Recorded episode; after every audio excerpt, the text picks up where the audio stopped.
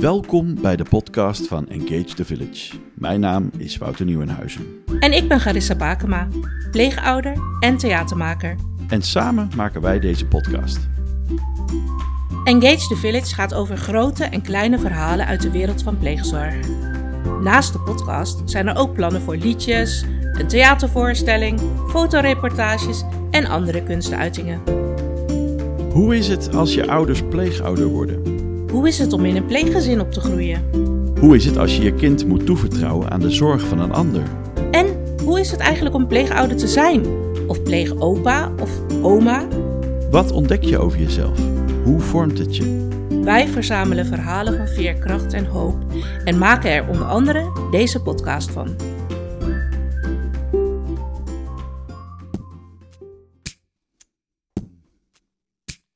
Mijn naam is Siobhan. Ik ben 25 jaar. Mijn talenten zijn zingen, dansen en er leuk uitzien. Ik ben Truusje, ik ben 40 jaar en mijn talenten zijn klussen en overledendenzorg. Ik ben Martine, ik ben 43 jaar. Mijn talenten zijn dat ik dingen helder kan verwoorden en ik hou erg veel van nadenken. Voor deze zesde aflevering van de podcast spraken Garissa Bakema en Tabita van Dongen met Siobhan, Truusje en Martine Noordegraaf. De kinderen van Siobhan en Truusje groeien voor een deel op in een pleeggezin en een gezinshuis. Martine is lector jeugd en gezin aan de Christelijke Hogeschool Ede. Mijn dochter is uit huis geplaatst omdat ik zelf heel ziek ben geweest. En in de beginperiode van mijn ziekte ehm, was ze bij mijn moeder. Als ze niet bij mij kon zijn, als ik bepaalde medicatie moest nemen, dan was ze bij mijn moeder. Maar mijn tweelingzus, die werd ook heel ziek. En die belandde op een gegeven moment op de medium care, omdat ze een hersenvliesontsteking had. En toen was er bij mijn moeder eigenlijk ook niet meer genoeg tijd om voor een baby te zorgen. Mijn dochter was heel jong. Ze was net een jaar toen ze naar het pleeggezin ging. En um, omdat mijn moeder gewoon te veel voor de eigen kinderen moest zorgen, ja, kon ze niet meer zorg dragen voor een baby. En vanuit daar is de keuze gemaakt om naar het pleeggezin te gaan. Vrijwillige uithuisplaatsing. Nou, ze wordt uh, binnenkort zeven, dus al zes jaar. Dat is al zes jaar, wat gaat het snel.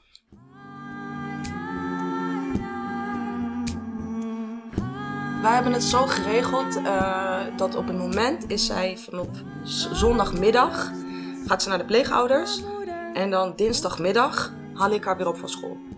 En in die tussenperiode is ze bij de pleegouders. Ik heb mijn kinderen alle twee vrijwillig uit huis geplaatst, omdat wij alle drie slachtoffers zijn van ernstig huiselijk geweld. En ze hebben daar alle twee een dusdanige grote rugzak aan overgehouden dat de zorg voor hun in je eentje en zonder professionele hulp is, uh, dat is echt niet te doen. Mijn dochter heb ik uit huis geplaatst toen ze drie jaar was. En mijn zoon is, in eerste instantie is hij opgenomen op de kinderpsychiatrie. En vanuit daar is hij doorgegaan naar de behandelgroepen. En die was rondom acht of negen toen hij naar het eerste gezinshuis is gegaan. Na een hele grote escalatie van mijn dochter in het pleeggezin is zij eerst uh, gesloten geplaatst door mij. Uh, vervolgens mocht ze naar de open groepen toe. En ze zit nu sinds 6 januari zit ze in het gezinshuis, daar waar mijn zoon ook zit. Het allermoeilijkst is van moed naar moeder, moet moeder. Het allermoedigst maakt ze extra vleugelslagen, zodat haar kroos zich veilig mag voelen, zelfs als het... Dat heeft mij veranderd ten eerste omdat ik de tijd heb gehad om aan mijn ziekte te werken. Om beter te worden. Om daarop te focussen.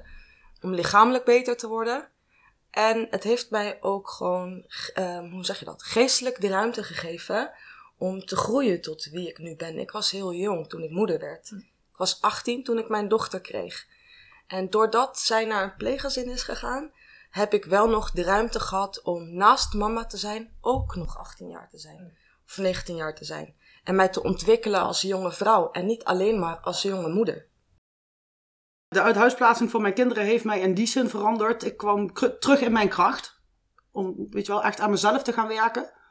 En het heeft me eigenlijk veranderd in gewoon één grote tijger. Ik ben echt voor mijn kinderen gaan liggen en dit is wat er gaat gebeuren, dit is in hun belang en dit is wat ik ga doen.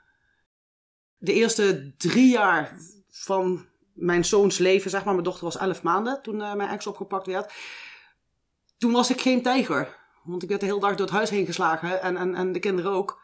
Dus op dat moment, zeg maar, had ik niet de kracht om er voor hun te zijn zoals ik er ja, eigenlijk moest zijn. En mee toen hij opgepakt werd, ja, toen echt binnen een fractie van een dag, zeg maar, was ik omgeschakeld. Nou is het afgelopen. Nou ga ik voor de kinderen liggen. Ik haal uit alle, uit alle nadelen haal ik mijn voordeel. En in dit geval vind ik het echt een voordeel dat ze door de week niet thuis zijn. Dat ik aan mezelf kan werken, mijn eigen afspraken kan hebben en, en mijn eigen leven kan hebben. En in het weekend en, en vakanties en dergelijke zijn ze gewoon lekker thuis. Ik, had het drie jaar eerder moeten doen. Nee, in het begin kon ik dat absoluut niet zeggen. In het begin had ik echt het gevoel, ik heb gefaald als moeder. Ik heb mijn kinderen in de steek gelaten, weet je wel. Ze zijn, ze zijn geslagen, ze zijn geschopt, weet je wel. Wat, wat voor moeder ben ik? En dat heeft toch echt wel een poos geduurd totdat ik, dat ik dat echt naast me neer kon leggen. En dat ik zoiets had zo van, nee, het is niet mijn schuld. Het is ons aangedaan.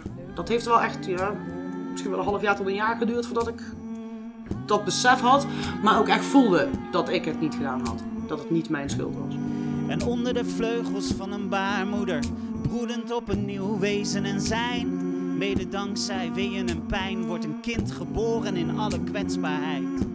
En je geeft wat je kunt met alle tijd en heel je lijf. En wat de strijd als leven veerkracht leegplukt. Door ziekte of onveiligheid. Als het onvermogen op het hart drukt.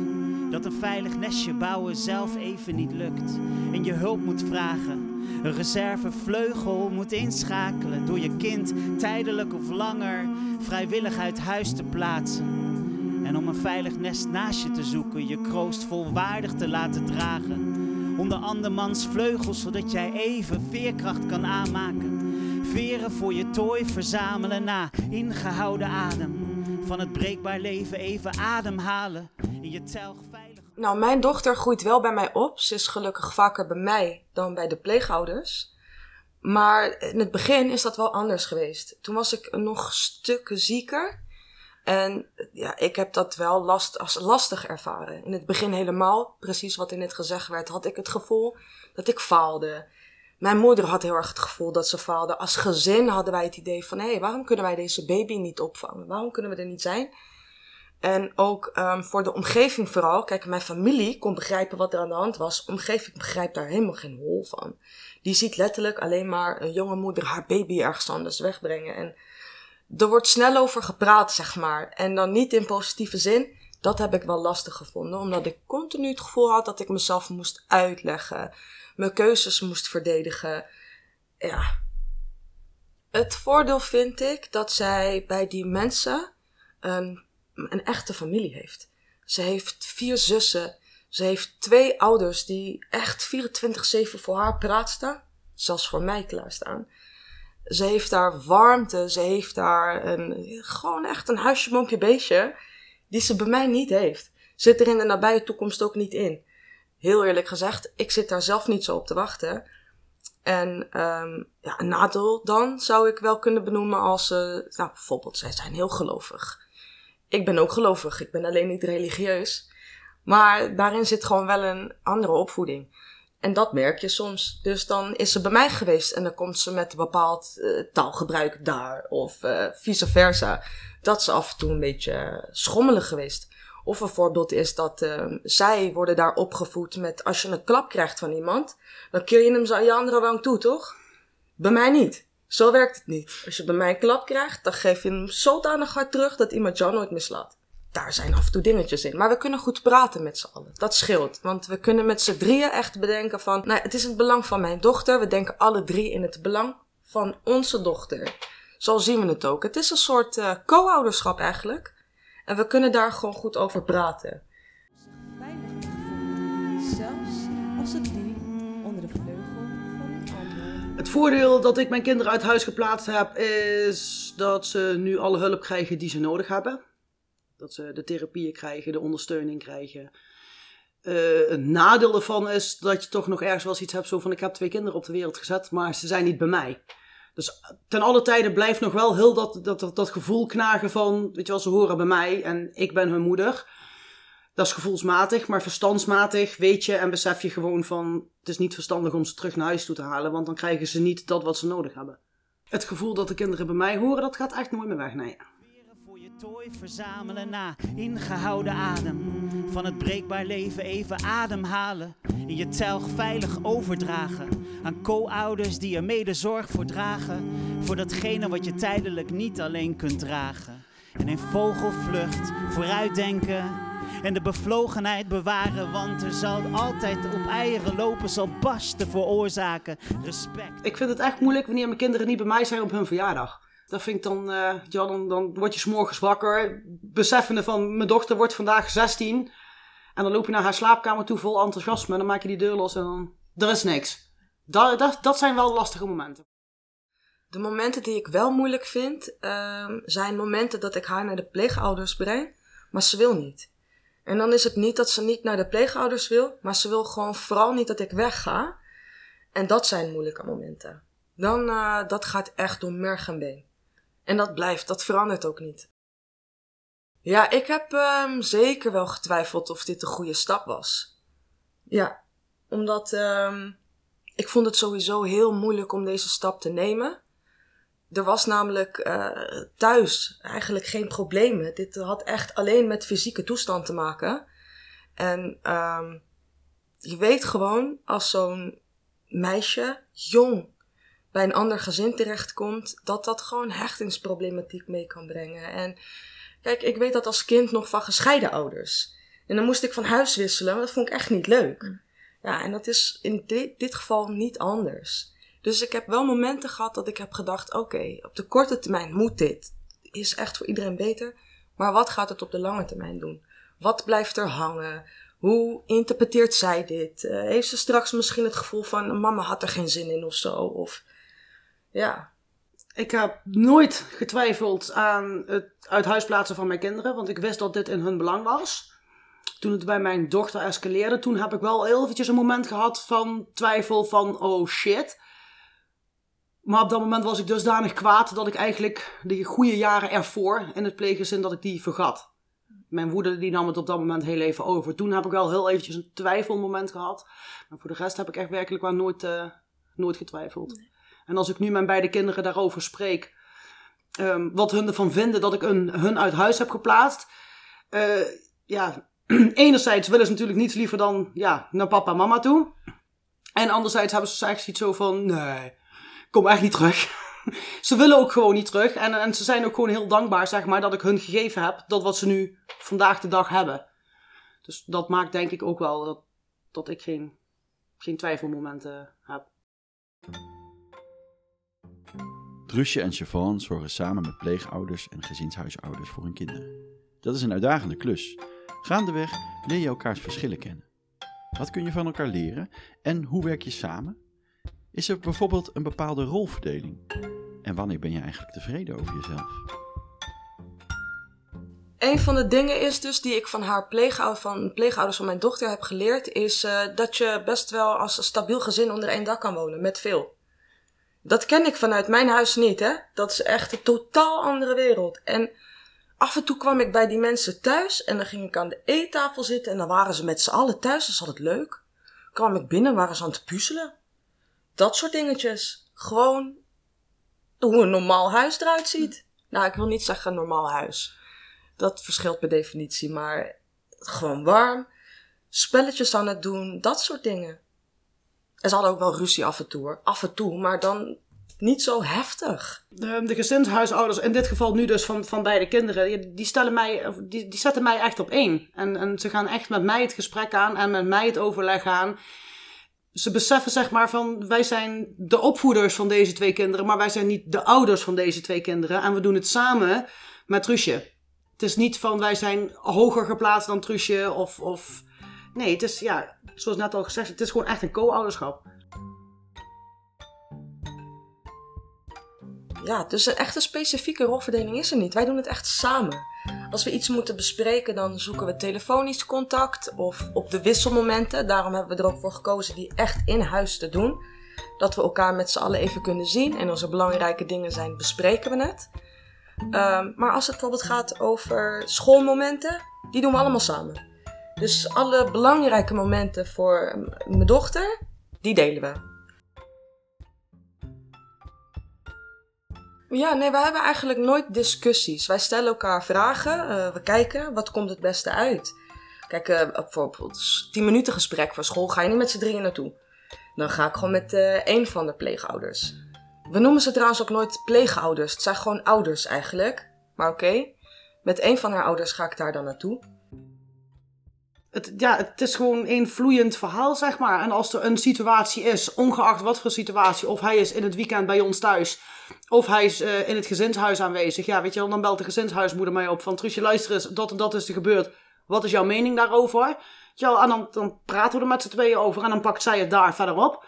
En als er bijvoorbeeld thuis eh, een situatie is, bel ik haar. Of ik doe het bij het, eh, op het moment dat ik de kinderen terugbreng, zeg maar, dan hebben we altijd eventjes een biertje, koffie of net dat wat. En dan overleggen we het even en dan bespreken we het even. En dan kijken we van, oké, wie gaat dit oppakken? Wie heeft er een korter lijntje met bijvoorbeeld de psycholoog? Of een korter lijntje met bijvoorbeeld huisarts of, of iets dergelijks. En wanneer ben je eigenlijk tevreden over jezelf? Nou, er was dus eh, een mooi voorbeeld met haar verjaardag. Ehm, dan waren we haar verjaardag aan het vieren. Maar iedereen was er, haar pleegzussen, haar pleegouders, mijn familie, haar vrienden.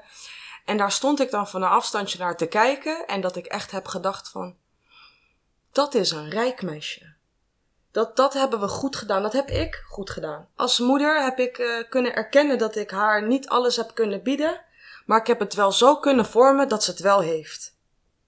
Ik ben sowieso heel trots op mijzelf. En waarvan ik vind dat ik echt een hele goede ouder ben, is omdat ik echt in staat ben om in het belang van mijn kinderen te denken. En mijn eigen gevoel en mijn eigen gedachten en mijn eigen emoties gewoon echt aan de kanten te gooien. En gewoon mijn eigen zelf weg te cijferen. Echt in het belang van de kinderen. En ik ben er heilig van overtuigd, dat maakt mij een verdomd goede moeder. Respect, hoe jullie met weinig twijgen en takken voor jullie kuikens alvast een veilig nest en ruimte maken. En met één vleugel kan je niet vliegen. Dus willen de bonusouders hopelijk niets liever dan de andere vleugel zijn. Om samen een eind verder te komen. De toekomst van je kroost te dromen, lichtjaren vooruit te hopen. In het samen tegenwind voorkomen, in de wisselwerking wind meegolven. Niet de kop in het zand gestoken, maar met het hoofd. Het moment dat ik het heel lastig vond om mijn eigen gevoel en mijn eigen emotie aan de kanten te gooien en in het belang van mijn dochter te denken, was toen ik gedwongen werd haar naar de middelbare school te laten gaan, daar, waarvan ik wist, dat is geen goede middelbare school, dit is niet haar plek. En want, ja, ik werd eigenlijk gewoon met de rug tegen de muur aangezet. En ja, ik moest dus echt tegen mijn eigen gevoel in. En aan die kleine denken, want het was haar aangepraat en, en hè, dat zat in haar hoofd. En ik kreeg daar met geen mogelijkheid ook niet, niet, niet eruit gepraat.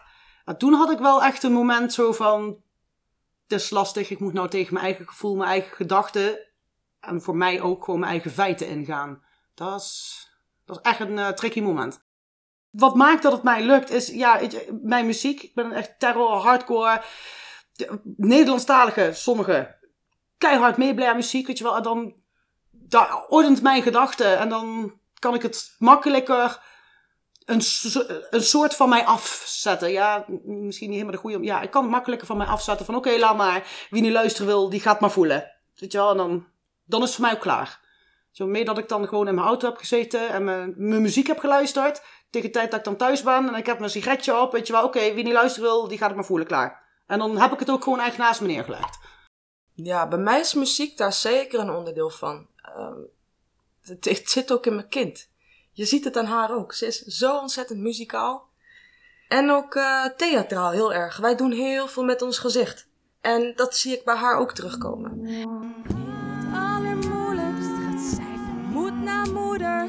Moed, moeder, moedigst. En op haar allermoedigst maakt ze extra vleugelslagen, zodat haar kroost zich. Zelfs als Hoe helpt muziek mij om een goede ouder te zijn? Nou, ik merk dat het voor haar ook een uitlaatklep is en het brengt ons ook uh, dicht bij elkaar. Dit zijn echt momentjes die wij samen hebben. Wij kunnen ook echt genieten van het samen zingen van een liedje. Of uh, zo kunnen we bijvoorbeeld ook, dat, het klinkt stom, maar het is echt zo. Dan gaat zij gewoon lekker muziek luisteren, zingen, dansen. Kan ik het huis schoonmaken. En kan ik nog steeds mee zingen en dansen? Kunnen we dat gewoon samen doen? Een van mijn talenten is, uh, is het zorgen van overledene uh, mensen. En dat doe ik met mijn, met mijn grootste passie, maar ook mijn diepste respect voor de mensen. Welk mens, ongeacht welk mens ook, gehandicapt, welke huidskleur dan ook. En ik voed mijn kinderen daar ook mee op. Als voorbeeld, we hadden een wat dikkere dame bij ons in de buurt wonen. En mijn zoon was toen een manneke van vijf jaar oud. En die dacht die dame belachelijk te maken van mama, zij is vet. En toen heb ik mijn zoon meegenomen naar die dame. En dan heb ik tegen mijn zoon gezegd van, praat maar tegen die dame. Want die dame die kon mijn zoon uitleggen dat zij dus een ziekte had, waardoor dat zij dus behoorlijk mollig was. En vanaf daar heeft mijn zoon eigenlijk hetzelfde als mij. Hij is niet meer veroordelend naar een dik iemand, naar een dun iemand, naar een gehandicapt iemand. Nee, gewoon het diepste respect voor de mensen. Ik vind het belangrijk dat mijn kinderen dat ook hebben. Wat ik terugzie in mijn dochter, um, van, mezelf, laat ik, het, het zo formuleren, is uh, sowieso, het is een, uiterlijk een replica van mij. En ik begin steeds en steeds meer karaktertrekken en, en dingen van mij begin ik terug te zien. Haar diepe liefde voor dieren, ja, dat heeft ze van mij. Weet je wel, ik heb ook echt een, een diepe liefde voor dieren en, en het knutselen, weet je het klussen in huis. Ik bedoel, ik geef dat kind een moker in de armen en ze helpt gewoon doodleuk mee om, om een keuken eruit te, te slaan. Dus ja, ja, en alle twee mijn kinderen zie ik echt enorm veel terug van mij. De mensen die mij de afgelopen jaren gesteund hebben in, hebben in dit gehele proces, uh, daar kan ik heel kort over zijn, dat zijn mijn zus en mijn man. Iedereen om mij heen, zeg maar, um, die hadden een oordeel, die hadden een mening, die kant nog wel raakte. Dus daar had ik eigenlijk helemaal niks aan. Nou, op nummer 1 echt uh, mijn tweelingzus. Zij heeft mij door dit gehele proces, echt door dik en dun, gesteund. Shout-out als ze dit hoort. En uh, voor de rest, ja, mijn familie ook wel. Mijn moeder is er inmiddels niet meer. Zij heeft mij ook echt uh, gesteund door dit proces heen. Er zijn weinig mensen in een externe omgeving die situaties als dit begrijpen. Die snappen niet. Het is moeilijk dan om daar steun bij te zoeken, omdat je moet zoveel uitleggen. Ja, terwijl bij familie gaat, die hebben dat meegekregen die snappen waar je uitkomt, zeg maar. Ze wilden er wel voor me zijn of zo. Maar uh, kijk, met mijn, met mijn vrienden, als ik bij mezelf was, was het al lastig. Omdat uh, we waren dan dezelfde leeftijd. Maar mijn leven was zo anders gelopen. Daar krijg je al een beetje een rare weg, toch? En het was gewoon moeilijk te begrijpen waarom ik dingen moest doen zoals ik het moest doen. Ik was ook nog eens heel ziek, dus dan raak je ook al veel vrienden, vrienden kwijt. Ja, ik heb in al die jaren heb ik wel één, één hele goede vriendin gehad die mij altijd door dik en dun heeft gesteund. Zij, is wel, uh, zij heeft altijd vierkant achter mij gestaan. En er is ook niemand die een oordeel mag hebben over mijn keuzes, want ja, dan, gaat ze ervoor staan. Dat sowieso. Als je je kinderen uit huis plaatst, krijg je te maken met de jeugdhulpverlening. In het laatste deel van deze aflevering vertellen Truusje en Siobhan hoe ze de hulpverlening ervaren. Martine heeft vanuit het lectoraat Jeugd en Gezin onderzoek gedaan naar wat werkt in de samenwerking tussen ouders en pleeg- en gezinshuishouders. Zij heeft vele van hen en ook veel hulpverleners gesproken. Martine reageert op wat Truusje en Siobhan vertellen.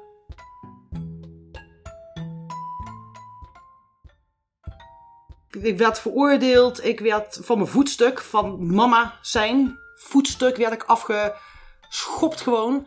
En in plaats van mama werd ik in één keer moeder. En ze werd ook over mij zo gesproken. Nee. Er valt echt nog wat te leren voor hulpverleners. Ja, wat betreft hulpverlening, ehm, eerlijk gezegd heb ik ook weinig positieve dingen te delen. Dat klinkt somber, maar zo zit het wel in elkaar. Een eh, mooi voorbeeld is dat um, wij zitten dan in die uh, co-ouderschap, zo noem ik het maar gewoon.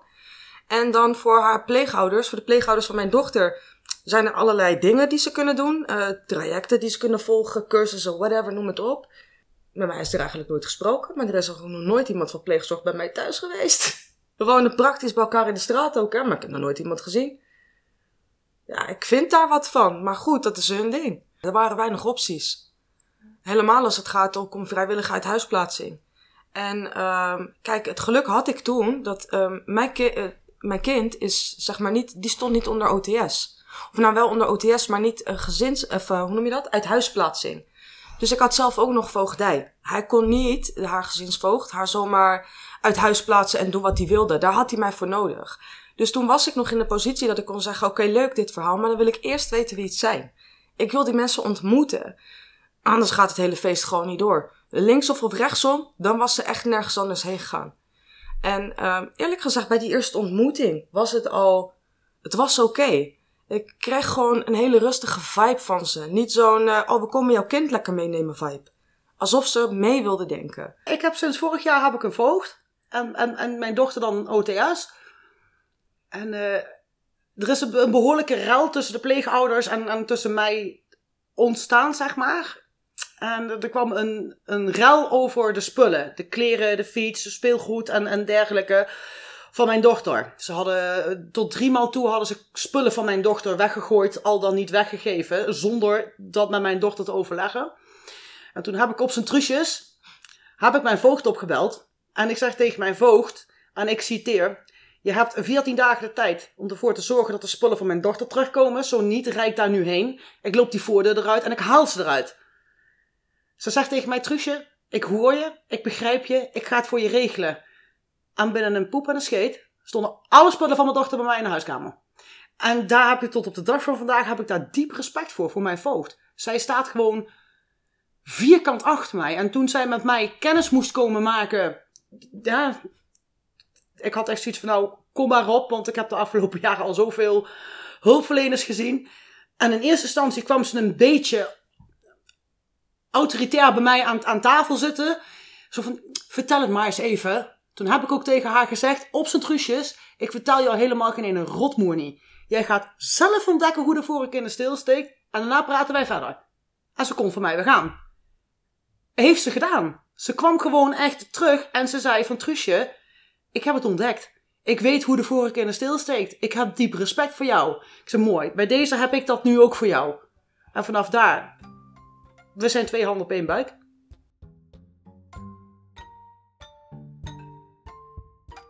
Ja, ik heb zitten luisteren naar de verhalen. En uh, ik vind het eigenlijk een beetje gênant dat ik dan als expert mag reageren. Omdat ik vooral onwijs heb veel zitten leren. Vooral als mens. Dat is eigenlijk wat ik steeds eigenlijk ervaar. Als ik uh, gesprekken heb met ouders met dit soort ervaringen, dan denk ik, ik weet veel minder over het leven. Maar ik heb wel veel verhalen gehoord die ik bizar krachtig vind eigenlijk. Wat ik vooral hoor, hè, die kracht om dus te kunnen beslissen dat het beter voor je kind is. Uh, om er zelf voor te kiezen een plek te zoeken waar het kind ook kan opgroeien. Um, ja, dat vind ik eigenlijk heel groot. Omdat je dan uh, ja, iets moet kunnen kiezen wat, waarmee je jezelf eigenlijk pijn aan doet. Dat is. Uh, dat kunnen niet veel mensen. En ik denk dat het soms best goed is als meer mensen dat zouden kunnen kiezen. Dus ik probeer ook steeds te luisteren naar hoe hebben deze ouders dat dan gekund. Um, ik denk door heel veel liefde voor hun kind. Um, en dan word ik wel heel blij van het feit dat zij pleegouders en uiteindelijk ook gezinshuisouders hebben gevonden. Die um, hen die grote plek ook hebben kunnen geven. En dat ze zelf ook hebben gevochten om die plek te houden. Wat ik in ons uh, onderzoek zie is dat ouders worden gewoon vergeten in die fase. Alle aandacht gaat dan naar het kind en naar de pleegouders en de gezinshuisouders. Die worden geholpen om zich op dat kind te richten. En met een beetje geluk heb je pleegouders en gezinshuisouders die jou niet vergeten als ouders en een plek blijven geven. Um, maar met een beetje pech, en dat is uh, helaas uh, iets wat best wel vaak voorkomt, worden ouders ook door pleegouders en gezinshuisouders vergeten. Um, dus ik vind dat echt een belangrijke boodschap aan de jeugdhulp. Dat ouders niet zichzelf moeten helpen om die plek te houden, maar dat we dat met elkaar moeten willen. Eigenlijk precies om wat Truusje en Chevan vertellen, omdat dat in het belang is van het kind. Dat die de mensen op wie ze lijken ook mogen zien en van ze houden. Nou, dit onderzoek heeft mij ook echt als mens veranderd, want ik ben heel veel gaan luisteren naar ouders en naar hun verhalen.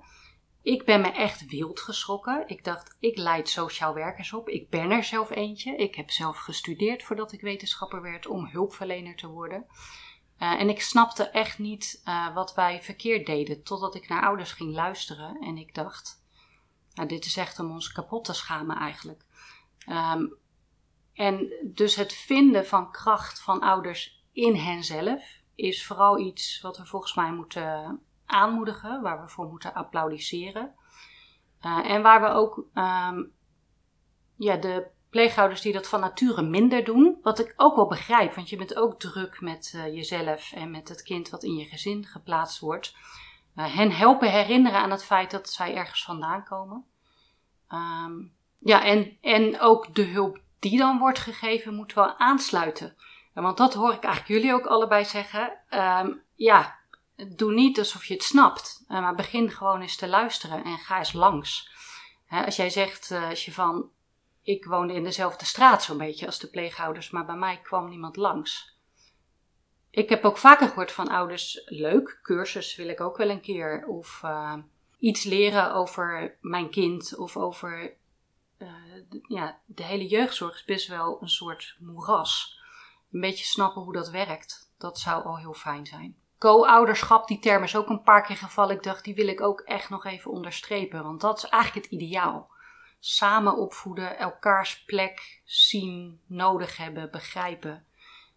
Um, nou, dat is echt mijn visie voor de pleegzorg en voor gezinshuizen, dat we naar co-ouderschap groeien. En het kan, dat hebben we vandaag gehoord lopen en als stormen voorbij razen en de vleugels weer willen slagen, mag je de veerkracht oprapen, de moed van moeder verzamelen.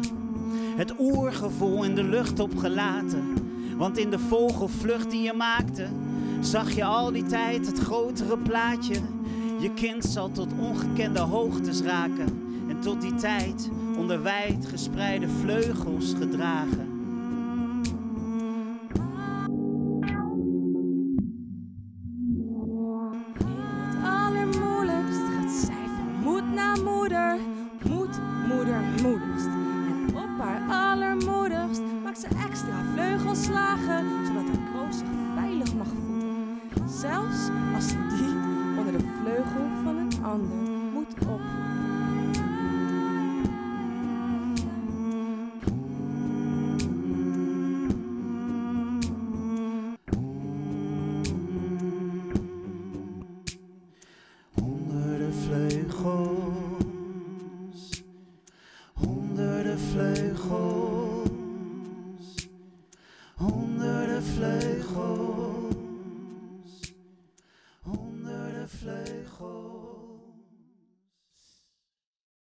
Bedankt voor het luisteren.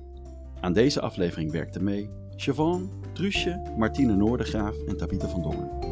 De spoken word die je hoorde is gemaakt door de Dromine. Siobhan was zijn special guest en deed mee in de uitvoering en opname. De andere muziek die we hoorden is van Blue Dot Sessions. Wil je meer weten over het leven van Truusje? Zij schreef over haar ervaringen, de boeken Achter mijn voordeur en Achter mijn voordeur het vervolg. Deze zijn te bestellen bij uitgeverij Tegenwind. Engage the Village is een initiatief van jeugdhulporganisatie Vitré en Broedgebied in samenwerking met verschillende kunstenaars en pleegzorgorganisaties. De podcast is een productie van Qatar. Vond je dit interessant? Deel de podcast dan met je familie, vrienden en collega's. Wil je reageren of meepraten? Mail dan naar engagethevillage.broedgebied.nl of ga voor meer informatie naar vitré.nl en Vitré schrijf je met twee e's. Tot de volgende podcast.